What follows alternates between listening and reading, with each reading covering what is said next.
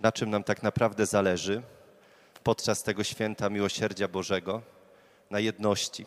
Jedno serce, jeden duch ożywiał wszystkich wierzących i wszystko mieli wspólne. Słyszeliśmy w pierwszym czytaniu.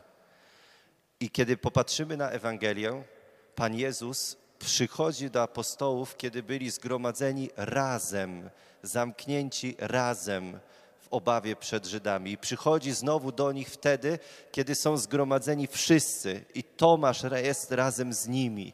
I zobaczcie, wielokrotnie jest podkreślone, że Pan Jezus przychodzi w tych momentach, Duch Święty objawia się i Kościół objawia się wtedy, kiedy jesteśmy maksymalnie zjednoczeni. Co trzeba zrobić, żeby być zjednoczonym? Z Bogiem i z drugim człowiekiem. Przeszkodą zawsze jest grzech. Grzech to jest egoizm, to jest zaspokojenie moich potrzeb. Ma się realizować to, co ja chcę. Ja jestem najważniejszy, ja jestem postawiony w centrum. Nie Bóg, nie drugi człowiek, nie ten, którego ja kocham, tylko moje ma być na wierzchu. I dlatego w to święto miłosierdzia Bożego tak bardzo nam zależy na tym, aby każdy z nas wzbudził tę intencję, że chce się uwolnić od moich grzechów, czyli chce się uwolnić z tych wszystkich przeszkód, które stoją na granicy, są przeszkodą zjednoczenia z Bogiem i z drugim człowiekiem. Zobaczcie, wielokrotnie, kiedy się nie spowiadamy długi czas, myślimy sobie, że Bóg się na nas obraził. Bóg jest na pewno na mnie zły, dlatego że sobie grzeszę, że jestem zuchwały, że nie wracałem do Niego, nie modliłem się, nie chodziłem do kościoła, grzeszyłem i nie przychodziłem do Niego Go przepraszać. I dzisiaj Pan Bóg chce wysłać nam jasny sygnał, że nawet gdybyś długo nie chodził do kościoła, nawet gdybyś miał mnie w nosie przez wiele lat, nawet jeśli byś się nie modlił i w ogóle o mnie nie myślał, gdybyś przeżywał jakieś trudności w wierze i nie rozumiał, że Bóg istnieje, wszystko Ci dzisiaj wybaczam. Dlaczego? Bo chcę zabrać wszelką przeszkodę, która stoi na drodze do zjednoczenia ze mną, mówi Bóg. A przy okazji, kiedy zabiorę tę przeszkodę, która stoi na drodze zjednoczenia ze mną, zabiorę również wszystkie przeszkody, które stoją na drodze do zjednoczenia z moimi braćmi i siostrami w rodzinie, z bliskimi. Zobaczcie, jak często jesteśmy rozżaleni może na ludzi, którzy powiedzieli wiele gorzkich słów do nas. Jak ciężko nam jest wybaczyć. Jak często nam jest przyjść do drugiego i powiedzieć przepraszam, prosić o wybaczenie. I dzisiaj Pan Jezus przez spowiedź świętą i komunię chce nas wzmocnić do tego, abyśmy po raz kolejny wyciągnęli rękę i abyśmy uwierzyli w moc wybaczenia. I odpuść nam nasze winy, jako i my odpuszczamy naszym winowajcom. Odpuść nam nasze winy, tak jak my chcemy odpuścić wszystkie winy tym, którzy nas skrzywdzili i którzy są może przeciwko nam. I nie jesteśmy w stanie tego zrobić swoimi siłami nie jesteśmy w stanie sami się poprawić, jak już będziemy poukładani, przyjść wtedy do spowiedzi, żeby w nagrodę dostać komunię świętą. Komunia święta jest lekarstwem na nasze grzechy.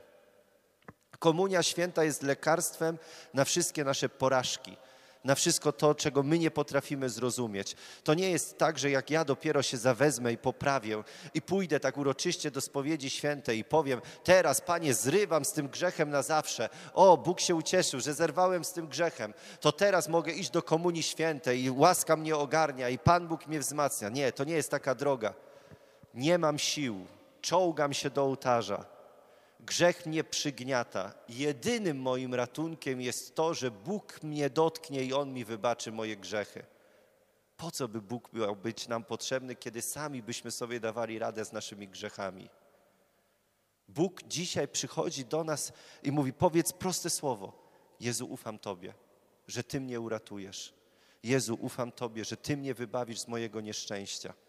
Czy może jutro znowu zgrzeszę? Tak, może za minutę znowu zgrzeszę to nic. Dzisiaj jest we mnie to postanowienie, że chcę być blisko mojego Boga, że wierzę właśnie w Jego wybaczenie i Jego miłosierdzie, że On zabierze to wszystko, co się wydarzyło dotychczas w moim życiu. I to nie jest tak, że Bóg teraz oczekuje, że już będziesz święty do końca życia. Bóg tylko i wyłącznie oczekuje właśnie, że nie będziesz w sobie pokładał nadziei. Że to ja sobie poradzę z moimi grzechami, że to ja po raz kolejny właśnie będę silny na tyle, żeby pokonać moje słabości. Nie, Bóg mi daje tę siłę. Jemu ufam. On jest moim odkupicielem. On wybawił mnie przez krzyż z moich nieszczęść i tylko On zapłacił za moje grzechy, bo co wy możecie dać? Co my możemy dać Bogu za nasze grzechy? Czym my możemy zapłacić?